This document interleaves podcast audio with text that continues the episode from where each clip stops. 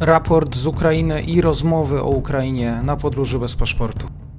Dzień dobry Państwu, dzień dobry wszystkim słuchaczom, dzień dobry majówkowo albo przedmajówkowo. Z nami jest Państwa ulubiony gość, pan Marek Meister. Dzień dobry. Dzień dobry Panu, dzień dobry Państwu. Panie Marku, co tam się rano wydarzyło na Krymie? Ach, co się rano wydarzyło na Krymie, to się wydarzyło, ale mamy ciekawszą historię. Mamy po prostu szereg dymisji, głowy spadły. I to spadło wiele głów i w bardzo ciekawych okolicznościach. Mianowicie Putin zdymisjonował dowódcę południowego okręgu wojskowego generała Dwornikowa, dowódcę wschodniego OWU generała Muradowa, wiceministra obrony do spraw zabezpieczenia tyłowego, pod którego rządami była cała rosyjska logistyka tak zwanej operacji specjalnej, czyli generała Mizińcewa oraz generała Gorszenina, komendanta Narodowego Centrum Kierowania Obroną, czyli szkolenia tak naprawdę oraz wszystkich działań tak zwanych pomocniczych związanych z operacją specjalną. No i co my tutaj teraz mamy? Dwornikowa za całokształt podobno zdymisjonowano, przy czym y, chodziło o jedną sprawę. Chodziło tak naprawdę o to, że Dwornikow nie zgodził się, nie godził się na oddanie ze swojego okręgu wojskowego ostatnich T-72 różnych wersji na potrzeby operacji specjalnych, stwierdzając, uwaga, że on nie ma tylu przeszkolonych czołgistów, żeby mu mogli na T-62 jeździć. I tutaj się ujawniła bardzo ciekawa historia, bo ktoś się, jak to się bardzo barwnym językiem mówi, rozpruł przed, y, przed y, telegramem, a konkretnie przed kanałem, jak to teraz się ładnie nazywa, tych patriotów, patriotów, mm -hmm. wściekłych patriotów. Tak u Artioma się rozpruł i powiedział, nie mamy dostatecznie starych rezerwistów, żeby ich posadzić na T-62, a ci, którzy są, to są tak starzy, że się nie nadają do czołgów, bo ledwie potrafią przejść dwa kilometry. No to cóż, no tak. No, panie Mateuszu, tryb życia. Tryb życia. Tak, y, obniżyła nam, się, y, obniżyła nam się bardzo długość życia mm, w Rosji. I to nie jest wcale związane z tym, że operacja specjalna, no tak jakoś tych młodych, prawda, no tutaj się mówi już 188 tysięcy, prawda, y, kia, wia i mia, rannych, zabitych, zaginionych. Nie, nie ale rośnie coraz bardziej w narodzie rosyjskim wraz z postępami operacji specjalnej, coraz bardziej rośnie alkoholizm. Mhm. Do tego stopnia, że zaaprobowano, uwaga, żeby narodowi było dobrze, zaaprobowano lokalne wytwarzanie trunków. Można. Można. można, już można, tak, już można. No więc powiedzmy, że szczęśliwie pijaństwo będzie nam rosło. Yy, Wczoraj się pokazał taki filmik z ukraińskiego SOF-u z żołnierzem rosyjskim wracającym do jednostki. No cóż, mm, nie jest pewne, kiedy ten filmik został zrobiony. Śnieg wskazywałby na to, że jednak to była zima albo może, no śnieg tam leży praktycznie w niektórych miejscach do tej pory, albo też marzec, prawda? No cóż, on nie jest w stanie wrócić kończy w błocie i nie z powodu śmiertelnego postrzału, tylko z powodu y, porażenia związkiem zwanym C2H5OH. No i cóż, to w związku z tym, w związku z tym mamy tego dwornikowa, mamy to odwołanie y, i mamy odwołania następnych. Otóż odwołania następnych wyglądają następująco. Muradow ze wschodniego OWU za, uwaga, wyprucie flaków z piechoty morskiej no to wiadomo o co chodzi. Muradow dowodził wtedy oddziałami y, wsparcia na kierunku bachmuckim i 155 nie dostała wsparcia. Nie dostał wsparcia też Wagner, ale to Wagner zaczął, mówiąc kolokwialnie, inbę o to. 155 y, została do tego stopnia zdziesiątkowana, że ją trzeba y, odtwarzać od nowa. Y, Prigorzin pojechał specjalnie w sprawie Muratowa, Muradowa do Moskwy. Muratow, Muradow, Rustam ma na imię. I chyba ta interwencja odniosła skutek, skoro go zdjęto, albo też no, potrzebny był po prostu kozioł ofiarny. Także 155 raczej to, co z niej zostało, zapracowało na zdjęcie Muradowa. Mizincewa za informowanie o zapasach wojennych. No co to znaczy? No, wraca stara sprawa magazynów głębokiego składowania. No. Mhm. Co tam się znaj znajduje? Ostatnia, y, ostatnia y, historia, ostatni skandal z wysłaniem y, mundurów polowych na Ukrainę, nie dość, że siedmiu różnych wzorów, to jeszcze większość była zapleśniała. I y, jak sprawdzono, tutaj to się właśnie turbopatrioci przyczynili, bo oni dali u siebie metki od tych polówek i okazało się, że niektóre z nich y, zostały wyprodukowane w no, dosyć wczesnym roku pańskim 55. I to były te zapleśniałe. Mhm. Także tutaj powiedzmy, że to był chyba ostatni szczebel zapadni, który spowodował że y, Mizincewa odwołano. No i Gorszenina za informowanie o wojnie. No i tu jest ciekawa sprawa, no bo co miał właściwie Gorszenin informować, jak on kierował szkoleniem? Prawda, że miał pod sobą także te, mm, nazwijmy to, oddziały propagandowe, ale przecież kierunkiem przekazu steruje Moskwa, nie mhm. jakiś tam Gorszanin, prawda? Więc wobec tego oznacza to, że po cichu odwołano go za błędy szkoleniowe, o których się mówi od dawna. Dopiero teraz dopracowano się jakiegoś rozwiązania, ale nie do końca, bo tu powiemy zaraz o armii dwóch prędkości, prawda? W każdym razie, w każdym razie mm, Gorszanina odwołano za całokształt. No i teraz pytanie, co po nich? Podobno Surowikin ma pójść w miejsce Mizincewa, ale kto na miejsce Surowikina? I dlaczego w momencie tak y, newralgicznym odwołuje się dwóch szefów ważnych okręgów wojskowych.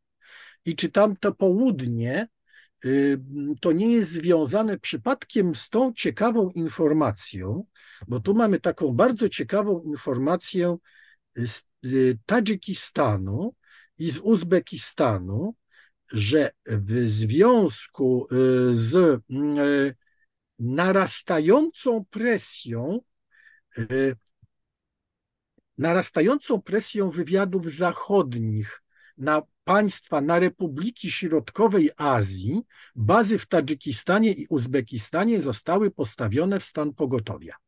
I to powiedział Szojgu. Dlaczego mhm. zostały postawione w stan pogotowia, jak w ogóle tam Amerykanów to nie widziano od ho, ho, ho, a jeżeli a jeżeli coś tam było, jakiekolwiek działania wywiadowcze, to oni za wiele nie mogli zrobić, bo tam jeszcze ciekawym elementem, coraz bardziej znaczącym i istotnym są Chińczycy. No mhm. to co się tam dzieje? Może się dzieje to, że oni są, jak to ładnie nazwijmy, językiem korporacyjnym coraz bardziej asertywni wobec Rosji? Tylko w tym momencie, mm, dlaczego odwołanie szefa południowego OWU? Może dlatego odwołanie szefa południowego OWU, że za bardzo nie zwracał na to uwagi, a prowadził politykę w Moskwie, to też Surowikina przesunięto tam, gdzie będą mieli na niego oko i gdzie będzie go łatwo w razie czego odstrzelić, bo kwestia y, zapasów i magazynowania, no to jest w tej chwili największe, najbardziej śmierdzące bagno w całej tak zwanej operacji specjalnej bo wiadomo już, że praktycznie wszystkie, ale to wszystkie wykazy y, magazynowe, no to są mniej więcej w kategorii baśnie i legendy, a nie, a nie odbicie rzeczywistej sytuacji. Mhm. W każdym razie ktoś będzie musiał przyjść, i to jest bardzo ciekawe, kto przyjdzie, kto przyjdzie tutaj y, y, za Surowikina na południowy Owu, i kto przyjdzie za Muradowa na wschodni owu. Hmm? Panie, kto panie Marku, ale, za Gorszenina. Tak. A kto tam w ogóle właściwie podejmuje dzisiaj decyzję? A, to jest dobre pytanie. Na ile podejmuje decyzję Putin, a na ile on jest briefowany przez grupę, przez grupę siłowników i coraz większą rolę zaczynają tam odgrywać turbopatrioci. Mhm. Oni już się przestali kryć to, co mówi Girkin, co oficjalnie on wpuszcza do sieci, to jest praktycznie totalna krytyka Kremla, jemu nic nie jest za to. On już za mniejsze sprawy się po klasztorach krył, pamiętajmy. A tutaj nic. Czyli turbopatrioci powoli zbliżają się może nie tyle do Kremla, ile do, yy, do partii władzy. Pytanie, czy Kreml jest partią władzy, czy partia władzy już przejęła kontrolę. I yy, jak wygląda sprawa w związku z tym, yy, jak wygląda sprawa z oligarchami. Wiemy, że oni są zaangażowani w ten wielki projekt sprowadzania nielegalnego komponentów, prawda? A ostatnio Prigorzin, Prigorzin też się rozpruł, że y, oddziały oligarchów, tutaj y, werbowanie do oddziałów oligarchów, y, tutaj mu bardzo zakłóca werbowanie do Wagnera, bo musimy powiedzieć o dwóch sprawach. Mamy dwie nowe, znaczy dwie nowe, dwie rosnące w siłę milicje, czyli. Patriot i tą drugą milicję, y, która jest oficjalnie na żołdzie Gazpromu, a nieoficjalnie przynajmniej finansuje ją czterech innych oligarchów, w tym Nikulin i Deripaska. Także tutaj mamy bardzo ciekawą historię, budowanie prywatnych armii. Czyżby ja tu nie będę żadnym wielkim prorokiem, ale czyżby władza Putina albo zdrowie Putina do tego stopnia osłabło, że zaczyna się już jakiś taki, jakieś takie przymierzanie się do tego, co po Putinie? I to takie, i tutaj oczywiście można powiedzieć, no tak, no ale przecież Putin zdjął dowódców, prawda? No zdjął. Mhm. No to pytanie, czy to Putin zdjął, czy Putina tak zbriefowano, żeby zdjął. Mhm prawda? No tutaj mamy bardzo ciekawą sytuację, bo z drugiej strony na froncie, i to oficjalnie podała ISW, prawda, że postępy w Bachmucie rosyjskie w ciągu ostatnich dwóch tygodni to było 200, czasem 100 metrów. Nie ma, tak, 70% Bachmutu jest w rękach Rosjan, ale Bachmut dalej pozostaje niezdobyty do końca. Mhm. Panie Marku, mówi Pan o briefowaniu właściwie Putina. Tak. Gdzie w tym wszystkim też e, i o tworzeniu armii prywatnej, gdzie są w tym wszystkim rosyjskie dzisiaj służby? Bo tak mieliśmy jeszcze przed wojną o nich tak, tak dobre zdanie. Większość dyplomatów, e, dyplomatów w cudzysłowie, e, wydalono z krajów europejskich, panowie się pojawili na rosyjskiej ziemi, no i brakuje tam tych rozsądnych coś się dzieje ze służbami rosyjskimi. Ja bym powiedział, że rosyjskie służby przechodzą w tryb walki wewnętrznej, że tam się zaczyna przymierzanie do frakcji, którą frakcję obsługiwać i prawda, która, która frakcja y, może być tą wiodącą. Panie Mateuszu, przecież my mamy totalny pogrom rosyjskiego wywiadu w Skandynawii. Tam wyrzucają po prostu co i róż to odkrywają agentów, odkrywają agentów wpływu i albo ich pokazują palcami, mhm. albo ich wręcz wyrzucają. To tego do tej pory nie było. Także Ale... tutaj, tutaj jest historia tego typu, że, że mm, rosyjski wywiad, najlepszy wywiad na świecie, no swego czasu naprawdę najlepszy, zarówno SWR, jak i GRU, jak i FSB, no zaczyna y, sypać się w operacjach zagranicznych. Jakiś musi być tego powód. Tak, przepraszam, jestem laikiem. Y, wydaje mi się, że w takich normalnych warunkach to doskonale jedna i druga strona wie o tym, że jest podsłuchiwana, że jest szpiegowana, znane są nazwiska bardzo często. Y, no, wzajemnie akceptowalna jest obecność y, i wiadomo po co jest komórka kulturalna w ambasadach, tudzież w obcych państw. Drugi sekretarz ambasady. Tak, tutaj, a tutaj nie ma nie ma żadnej akceptacji nawet na obecność e, Rosjan. E, nie Mateuszu, ta historia z Niemcami bardzo dużo nam wyjaśnia. Nagle Niemcy wydalają 20 osób z, z personelu ambasady i pokazują palcem. Ten obsługiwał agentów, ten się zajmował szpiegostwem przemysłowym. Tak, oni pewnie od dawna mieli te informacje. Tylko dla, dlaczego pozwolili sobie użyć ich teraz? Jak wiadomo, jak w świecie wywiadowczym jest tak, że jak się wyrzuci jednego, to przyjdzie drugi i zanim się go rozpracuje, co on tak właściwie robi, to spory kawałek czasu mija i się mhm. ryzykuje, że będzie się miało lukę, prawda? A jeżeli takie demonstracyjne wydalanie, no to świadczy o tym, że przestaliśmy się bać w Niemczech tego? Hmm. Jak się przestaliśmy bać, to znaczy, że co? Coś się sypie. Prawda? Coś się, jeżeli chodzi o ten rosyjski wywiad, się sypie i yy, co ciekawe, jeszcze się sypie co innego. Rosyjski SOF. Bardzo ciekawa historia, bo yy, pochodziłem trochę, przyjrzałem się i okazuje się, że mamy na przykład ślady, że do brygad y, polowych, na przykład do 152, do 32, do 64, która sama w sobie dostała straszliwe lanie, są kierowani sofowcy rosyjscy, specnazowcy jako snajperzy do polowych brygad. Co tu się dzieje? Co my tu mamy? Mało tego, oni się chwalą tym, że oni wypróbowują zdobyczny sprzęt, kanadyjskie, y, kanadyjskie karabiny wyborowe oraz y, oryjski T5000 rosyjskie.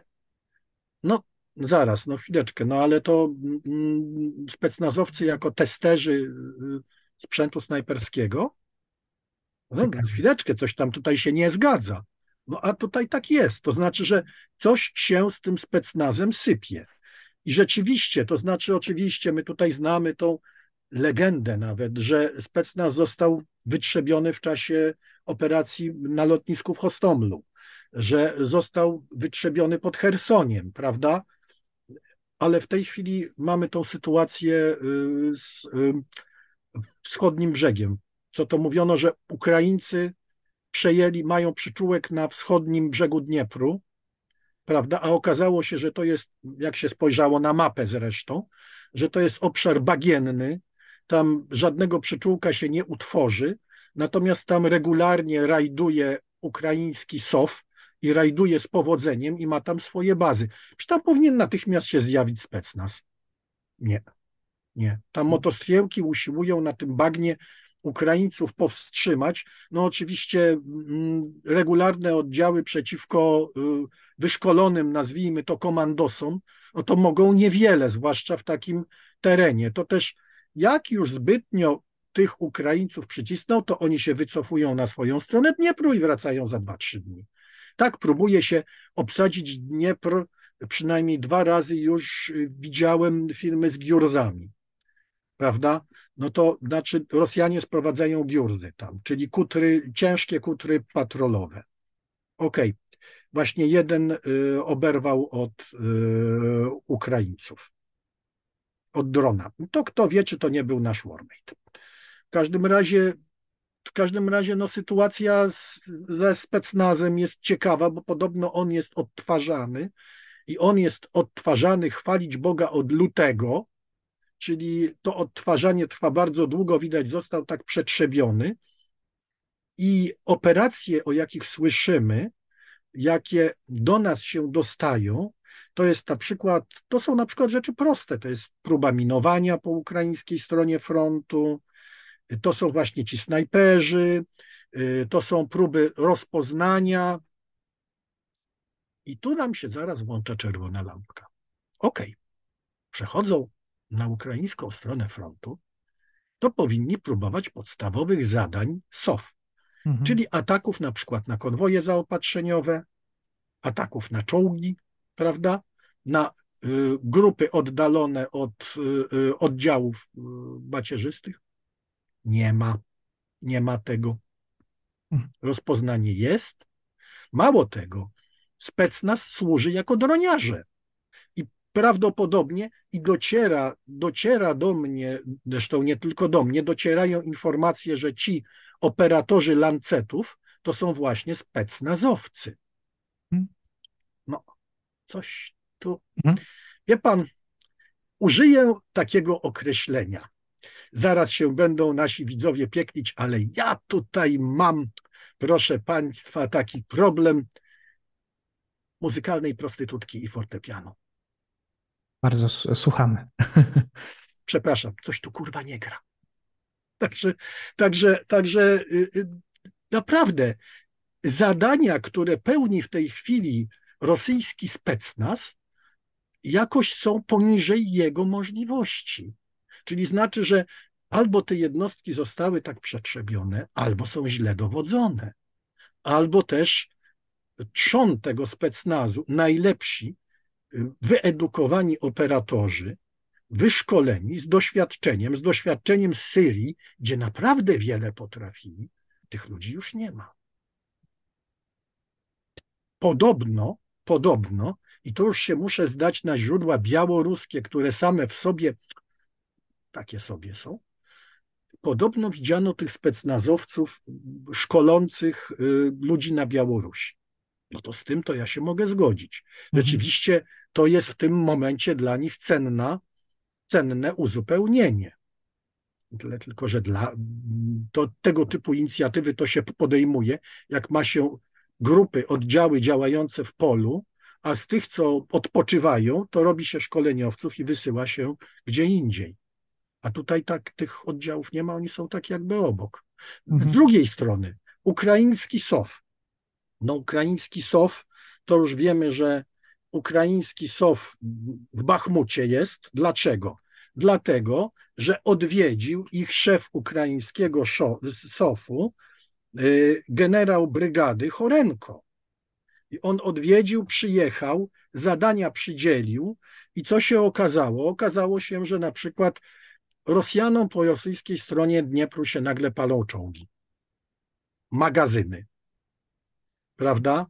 Że y, mamy y, wysadzania polowych składów amunicyjnych. Ale, ale tutaj się co nieco Ukraińcy wysypali. Hmm. A w czym się wysypali? Ano, wysypali się w takim oświadczeniu, że y, ukraiński SOF. Tutaj mamy, y, mamy tutaj taką historię, że y, o, mamy wywiad rzecznika ukraińskiego SOF-u, pułkownika Kindratenko, mhm.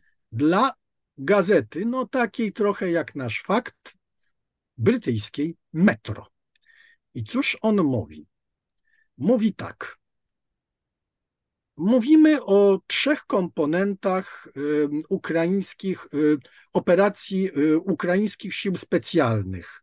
Używamy tutaj określeń siły specjalne, operacje psychologiczne, psyops oraz ruch oporu. Co to znaczy?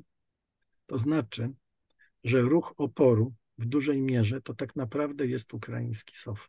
Mhm. Czyli Y, odpuśćmy sobie y, y, takie nasze myślenie o takiej ukraińskiej armii krajowej na tyłach. Mhm. To znaczy, że po prostu tej ukraińskiej armii krajowej jest bardzo niewiele. I to, co jest, to, co praktycznie my żeśmy mówili swego czasu z kolegami, że prawdopodobnie to są ludzie z terobrony, którzy nie zostali wygarnięci, rozstrzelani, tak jak było w Buczy, albo wysłani na niedźwiedzie białe, bo Rosjanie to robią. Y, I oni się wzięli za ten ruch partyzancki przy pomocy sofowców, którzy prawdopodobnie im dostarczają sprzęt, broń i tak dalej. I oni się ukrywają. Bo to nie może być tak jak mm, kontrola nad obszarami przejętymi jest totalna. To nie jest tak, jak u nas było w wojnę, że Wehrmacht był, SS było, Kripo było, oni owszem infiltrowali i tak dalej, ale była iluzja jakiegoś tam życia normalnego. Nie ma tej iluzji. Tu jest kompletny terror i kontrola wszystkich, wszystkich przejawów życia, łącznie z kontrolą, kto z obywateli, jeżeli jest, y, nie ma sieci wodociągowej, kto się zgłasza po wodę. Y, trzy dni temu Kreml wypuścił z siebie takie oświadczenie, że wszyscy, którzy y, nie przyjmą rosyjskich paszportów na terenach okupowanych, będą deportowani na Syberię. Można ich deportować. No to znaczy, że ta kontrola jest absolutna. W takim środowisku działanie partyzantów, to mie miejskiej partyzantki, to my sobie możemy odpuścić. Mhm. Nie ma siły. Ale tutaj właśnie Kirilenko nam po powiedział wprost. Ruch partyzancki to jest SOF. Czyli ta terobrona z SOF-em. No i mają osiągnięcia, no bo ciekawa historia. Robią to nie tylko sofowcy, ale robią to także oddziały frontowe.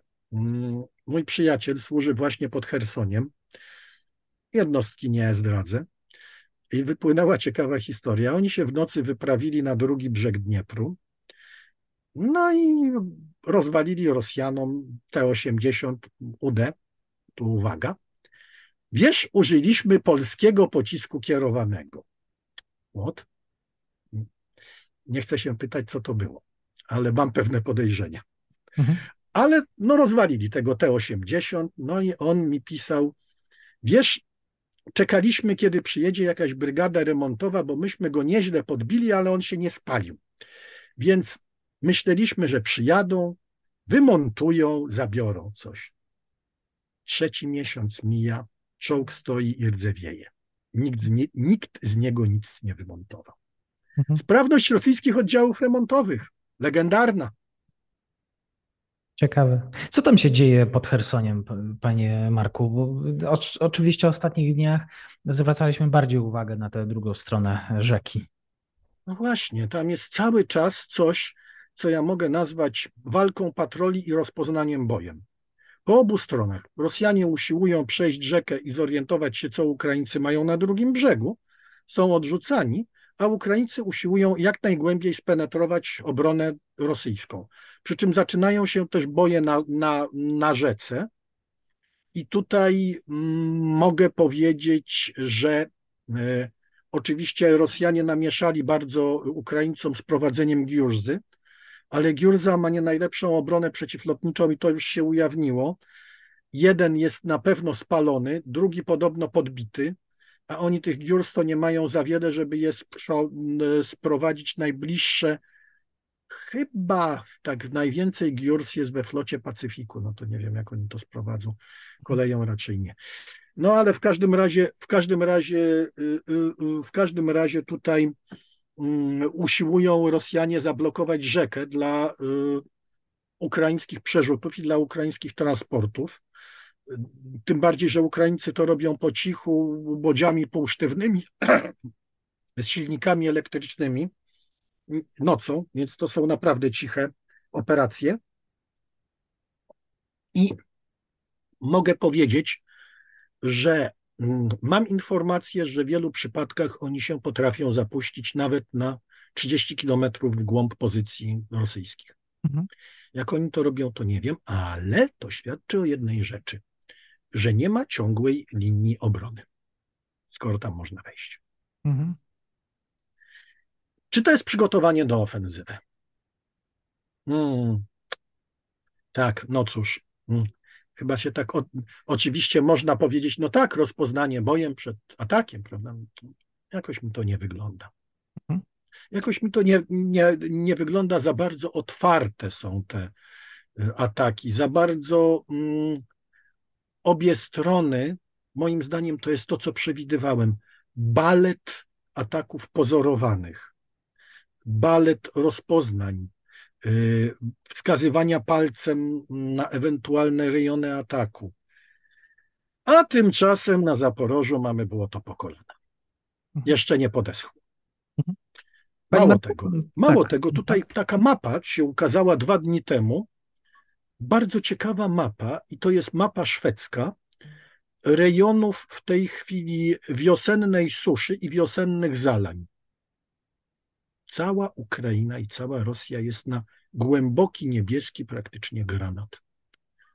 Natomiast Włochy susza, Skandynawia, cała Norwegia w suszy. Yy, dalej Francja Południowa susza, cała Hiszpania wyschnięta na wiór, czego nie powinno być o tej porze. Globalne yy, ocieplenie. Globalne ocieplenie i efekty jego hamują jakiekolwiek w tej chwili działania w Ukrainie. Wody jest po prostu za dużo. Ukraińcy są bardzo delikatni, właściwie i w komunikacji, i w, i w, oczywiście w informowaniu tego, co się dzieje, miesiące, tygodnie, kolejne, a tutaj e, no, powiedzmy eksperci sami urządzają sobie, spekulują, żeby mieć jakikolwiek materiał, żeby mieć o czym właściwie mówić ostatnio. Ja nie spekuluję, bo ja tutaj widzę jednoznacznie, że atak będzie po pierwsze latem, a po drugie na. Dobrze. Spróbujmy jednej rzeczy. Mhm. Podobno wyszkolonych jest 18 brygad ukraińskich, prawda? No to teoretycznie 18 może pójść do ataku. A figę. Dlaczego? Dlatego, że po stronie rosyjskiej, od strony Rostowa i Białogrodu jest bardzo duże zgrupowanie, które liczy no, praktycznie około 30 tysięcy ludzi. Czyli co? Jakby poszli po linii Dniepru do ataku, to Rosjanie im wjadą w kierunku na Charków? Nie. Czyli przynajmniej 8 brygad musi zostać do przesłaniania tamtej obrony. To już zostaje tylko 10. Ja nie, nie biorę pod uwagę tych, co walczą, bo tam jest cały czas rotacja, oni ponoszą straty, oni ponoszą straty sprzętowe, ich trzeba wycofywać na tyły, trzeba dać nowych ludzi, trzeba wyposażyć w sprzęt, przeszkolić, to trwa, także to cały czas jest praktycznie, mm, jak to się ładnie, ładnie mówiło, nawet w niemieckim się mówiło frontowa maszynka do mięsa, no bo to tak wygląda, no niestety. Trzeba cały czas pamiętać o tym, że żołnierze za długo trzymani na linii frontu się w końcu załamują, bo oni nie są w stanie wy, wytrzymać. Ja pamiętam cholerstwo, jakim był ostrzał moździerzy, w 91, czy potem w Bośni i powiem szczerze, to się czasem potrafi przyśnić, a wyobraźmy sobie żołnierza, który siedzi pod czymś takim dwa tygodnie. Ja powiem szczerze, ci co wytrzymują, to, to są ludzie z żelaza. No, wiemy, wiemy o wielu przypadkach PTSD u Ukraińców, bo Ukraińcy tego nie ukrywają. Co się dzieje u Rosjan, to wspomnimy może potem a propos Prigozina, i to już jest inna historia, ale, ale na pewno u Rosjan to jest w zwiększonym, w zwiększonym y, procencie, bo oni są w ogóle nierotowani. Mhm. Także tak, mamy te brygady, które walczą, mamy tych, którzy, którzy są ewentualnie do ofensywy, mamy konieczność flankowania tych sił ofensywnych, czyli co? No jest zbyt dużo wody, to musi podeschnąć, no to nam się wyłania obraz ofensywy letniej, to bardziej czerwcowej jak majowej. Prawda. Jeżeli będzie to ofensywa. Bo to jest tak. pytanie, obie strony są nastawione na obronę aktywną, powstrzymanie ataków przeciwnika i ewentualne przejście do kontrofensywy. Moim zdaniem właśnie tu widzimy w Hersoniu taką próbę wypuszczenia nieprzyjaciela, żeby zaatakował. Wtedy będzie łatwiej. Łatwiej przejść z aktywnej mhm. obrony do kontrataku w warunkach ukraińskich, niż samemu próbować ofensywy. A ktoś powie, no jesień Charków. No tak, ale to był przypadek nietypowy. Jak Rosjanom wkradło się w zamieszanie w linię obrony i Ukraińcy to brylantowo wykorzystali. No trudno sądzić, że ta sama sytuacja się powtórzy po raz drugi. Oczywiście może, ale ja bym na to nie stawiał. Mhm. E, prezydent Zełenski mówił o tym, że właściwie wojsko, e, wojsko ukraińskie planuje taką kontrofensywę. Jest przekonany właściwie, że Ukraina będzie w stanie odeprzeć siły rosyjskie, a także przywrócić kontrolę nad Krymem. Tym akcentem, myślę, Panie Marku, dzisiaj zakończymy. E, także myślę, że pozostawimy bardzo. sobie inne kwestie już na następne spotkanie. Marek Meissner, kłaniam się nisko. Dziękuję raz Dziękuję jeszcze. bardzo, do widzenia.